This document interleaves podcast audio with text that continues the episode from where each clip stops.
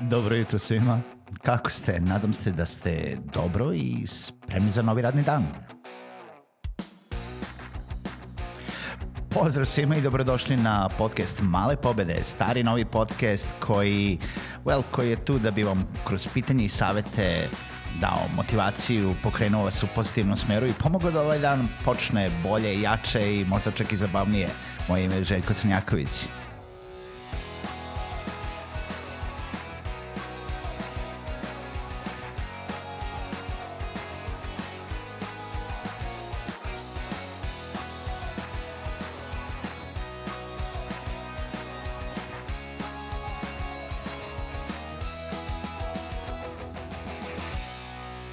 Pozdrav svima, dobro jutro i dobrodošli u još jednu epizodu podcasta Male pobede. Nadam se se dobro ovo kišno jutro i um, idem nazad malo ovaj, u, u temu koju sam obradio početkom nedelje, a naravno vraćamo se na najaktuelniju temu koja se uh, trenutno promalja uh, preduzetničkim svetom i pogotovo tu u IT i digitalu, a to su ove reforme poreske reforme, paušalci su na udaru i tako dalje. I za početak bih hteo da se opet osvrnem neka lična mišljenja od svega što sam pročitao i čuo u poslednjih um, nekoliko dana i uh, desetak dana i da prokomentarišem neke stvari. Prva stvar koju sam čuo jeste da preduzetnici paušalci su tu neki oblik između pravnog lica i između fizičkog lica ni na nebu ni na zemlji i uh, jel da nekako su posebna klasa i, i, i rasa u, u tom nekom smislu. Mislim, realno, uh, o čemu pričamo? Preduzetnici, paušalci su pravna lica koja su registrovana, postoji taj oblik registrovanja, oni odgovaraju svom svojom imovinom, rade uh, ovaj, svoju delatnost kao jel da, fizičko pojedinac, kao fizičko lice, ali kao pravno lice, jel da, u jedno i drugo su, nisu u nekom procepu, nisu u nekoj mutnoj vodi, e, nema tu ništa sivo, to je jednostavno e, oblik registrovanja koji postoji već dugo, dugo, dugo, dugo vremena kao takav. E, drugo što sam čuo jeste da pa kaže preduzetnik, pa, to je paušalac, u stvari zvaćemo ih preduzetnici. Nećemo ih zvati preduzetnici jer paušal je samo jedan oblik preduzetništva, Postoji drugi oblik preduzetništva koji kada, ako ste u paušalu pređete 6 miliona, morate da vodite knjige. Ako niste od starta hteli možda da se izjasnite kao preduzetnik sa ličnom zaradom i automatski da vodite knjige, to je preduzetnik knjigaš kao takav i to je preduzetnički oblik koji vodi knjige, koji uh, ne plaća neki paušalni porez, koji jednostavno plaća tačan iznos poreza i doprinosa na iznos plate koji je iznos lične zarade koji je odlučio uh, sam sebi da isplaćuje fiksiran i na sve ostalo što podiže, na svoj profit, uh, plaća automatski porez od 10%. Zašto bi neko izabrao da bude preduzetnik knjigaš? Iz ličnog iskustva preduzetnik knjigač e, može da izabere osoba koja kada otvara svoju preduzetničku firmu možda ne zna da će imati stalni priliv, ne zna da će imati svaki mesec priliv, ne želi da bude u situaciji da plaća mesečno paušal 200-300 eura, nego jednostavno želi da ga blokira tu na nekih 100 eura i da na sve ostalo što zaradi, uh, plati 10% poreza, kako ima potrebe, u stvari kako je zaradi, kako ima potrebe da to podiže, ukoliko to podiže, ukoliko ne troši kao firma.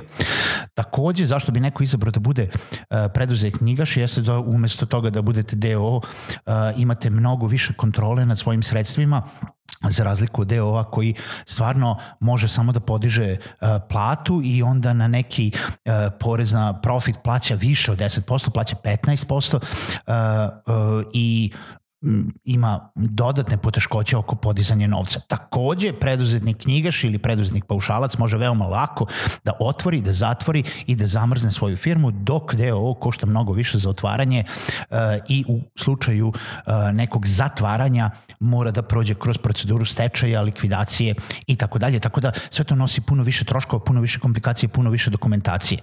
Tako da se prvo ne zizamo sa time, preduzetnici su svi paušalci. Nisu svi paušalci, ima i knjigaša, ima i paušalaca, ima i dobrih i loših stvari i u jednom i u drugom obliku.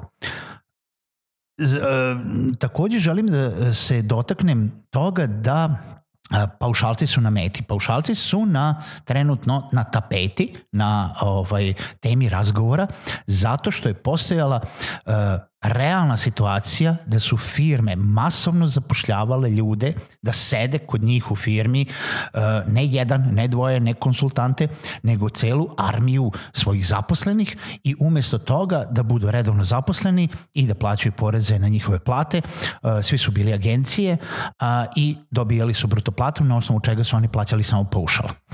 Da li je to dobro, nije dobro, uopšte ne ulazimo. To realno, to je tematika zašto je ne samo naša država, nego sve države u regionu krenule u ovu poresku reformu. Videli su da tu postoji jel da, jedna, jedan oblik, jedna rupa u kojoj su mnogo, u kojoj su mnogo ljudi, mnogo firmi iskoristili, ne samo u IT-u. Da, još jedna velika stvar jeste da ovo pogađa samo IT, ovo ne pogađa samo IT, ovo pogađa bilo kojeg paušalca ili nalogodavca koji se nalazi u istoj situaciji. Nebitno da li radi u marketingu, da li radi kao konsultant, da li radi kao građevinac, da li radi kao uh, spremačica ili perač prozora. Ovo se javilo mnogo ranije u, u nekoj industriji gde na primer, perači prozora više nisu bili zaposleni kao um, um, održavanje u okviru nekog objekta ili nekog nalogodavca, nego su svi bili natarani da otvore svoje uh, paušalne agencije i da uh, ne znam, hoteli plaćaju bukvalno samo za uslugu koja im je potrebna za pranje prozora. I onda su to IT-evci videli to, mislim, prvo da se razumemo, i ja sam iz sveta digitala i IT-a, nisam programer, to nema nikakve veze. I ja sam preduzetnik knjigaš i mene ovo kači, za razliku od onoga što sam rekao u ponedljak, razjašnjeno je i nema nikakvih problema da ovo kači sve preduzetnike. Jeste, naglašano je paušalce.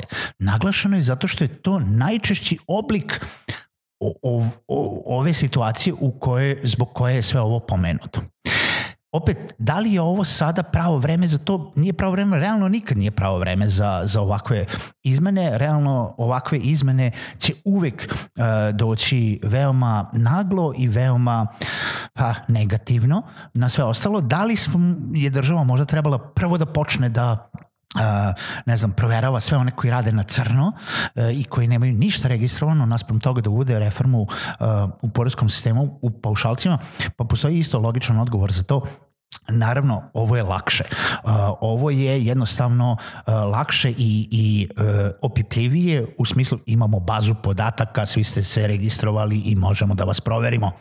Znamo koga da zovemo i znamo na čija vrata da kucamo. Jel tako? Ovo ne bi se desilo da, se, da su ovo neki uh, iznimni slučajevi u 1%, 1,5%, 2% firmi. Ovo se masovno dešavalo. Uh, za sve one koji rade za strane klijente razjašnjeno je strani nalogodavac nema šta da polaže test. Polaže test isključivo jel da, preduzetnik koji uh, radi sa tim inostranim nalogodavcem što bi neko rekao veoma pažljivo u jednoj emisiji, u jednoj izjavi, ja ne vidim razloga zašto neko ne bi prošao taj test. Drugim rečima, pošto ovo nije uh, emisija u kojoj ja moram da pazim šta pričam, realno, ako padnete test, a isključivo vi sami polažete test sa stranim nalogodavcem, a, mislim sami ste krivi. Realno ne može niko da vam proveri da li vi imate ugovor sa njim, da li vi imate određeno radno vreme, da li vi koristite njegovu opremu. Pa šta ako dobijate 70% zarada od njega. Mnogo firmi, mnogo preduzetnika, mnogo deo firmi ima jednog dedicated klijenta od kojih dobija 70, 80, 90, 100% svoje zarade. Zato smo otvorili firmu, zato da bi primarno imali tog jednog klijenta, pa daj Bože, možda upadne još neko. Nije to nikakav problem, to nije jedna ključna tačka, treba da padnete pet tačaka na testu samostalnosti u smislu da ako radite kao uh, osoba koja radi za inostranog klijenta, ne vidim zašto ne bi prošli e, ne znam, 8 od 10 tačaka. mislim, nema načina da se provere druge tačke. Ovaj, osim ako, osim ako ovaj, stvarno ne kaže, da, da, ja imam ugovor koji nigde nije registrovan, koji imate vi nalogodavac. Možda ne radite preko ugovora. Realno. Tako da to su neke uh, neki komentari, neka moja mišljenja na ovo što se uh, sve dešava. Naravno, uh, i dalje treba sačekati finalno uh, da sve ovo prođe kroz proceduru, da izađe finalni zakon, jer tek onda možemo kazati da ovo je tako. Sve ovo ostalo je nagađanje, sve ovo ostalo je rekla kazala, sve je za sada u vetru sve dok ne prođe finalnu proceduru mi zapravo ne znamo šta će to biti ni uslovi, ni uh, karakteristike, ni ko će to da tačno proverava, ni razjašnjenja nekih pojedinih tačaka ili pitanja koje su se pojavile u zajednici, sve treba sačekati da vidimo svakako se zakon primenjuje tek od 1. januara, a tek sada u oktobru, novembru ulazi u proceduru, imamo još tri meseca da vidimo šta ćemo i kako ćemo. Zadnje što hoću da kažem za sve one koji blate e, jeste da ponavljam ono što sam rekao u ponedeljak. Ovo se u drugim zemljama, prvenstveno na primjeru Hrvatske, desilo ne preko noći, ali bez ikakvog sluha prema zajednici. Samo smo izglasali uh, od sada, od sutra uh, ili od 1. januara bilo kada se plaćaju svi porezi bez ikakvih olakšica i to je to zahvaljujući inicijativi i oni koji su razmišljali da uvedu ovaj zakon, ali i on i, i pravilnoj inicijativi u okviru zajednice došlo je do razgovora, došlo je do uh, toga da se malo oslušne, da kažu ljudi ovo će da se desi svakako. Hajde da vidimo kako možemo nešto da olakšamo, da napravimo neki prelazni period. Da li je on dovoljan? Da li je dobar? Da li je uh, dovoljan? Uh, da li je... Uh, šta će se desiti za tri godine? Opet, ne znam i neću da komentarišem i bit će razno raznih reakcija. Da li je ovo pravedno prema svim onim firmama koji su do sada zapošljavale radnike na belo, a sve ove firme koje će zapošljavati nove radnike će imati olakšice? Očigledno nije, ali ako ništa drugo, postoji neki kompromis. A ne zaboravite i mala pobeda za danas, kompromis nije pobeda jedne strane. Kompromis je situacija u kojoj su obe strane nešto dale i obe strane su manje više i nezadovoljne i zadovoljne nekim među ishodom. Nema potpunog zadovoljavanja uh, jednih uh, inicijativa, zahteva i tačaka, onda to više nije kompromis. Tako da budite otvorenog uma, uh, sačekajmo da se sve ovo uh, pa raskristališe, iskristališe i razjasni i onda ćemo biti pametniji i ovaj da vidimo šta ćemo dalje. Čujemo se u narednoj epizodi podcasta Male pobede.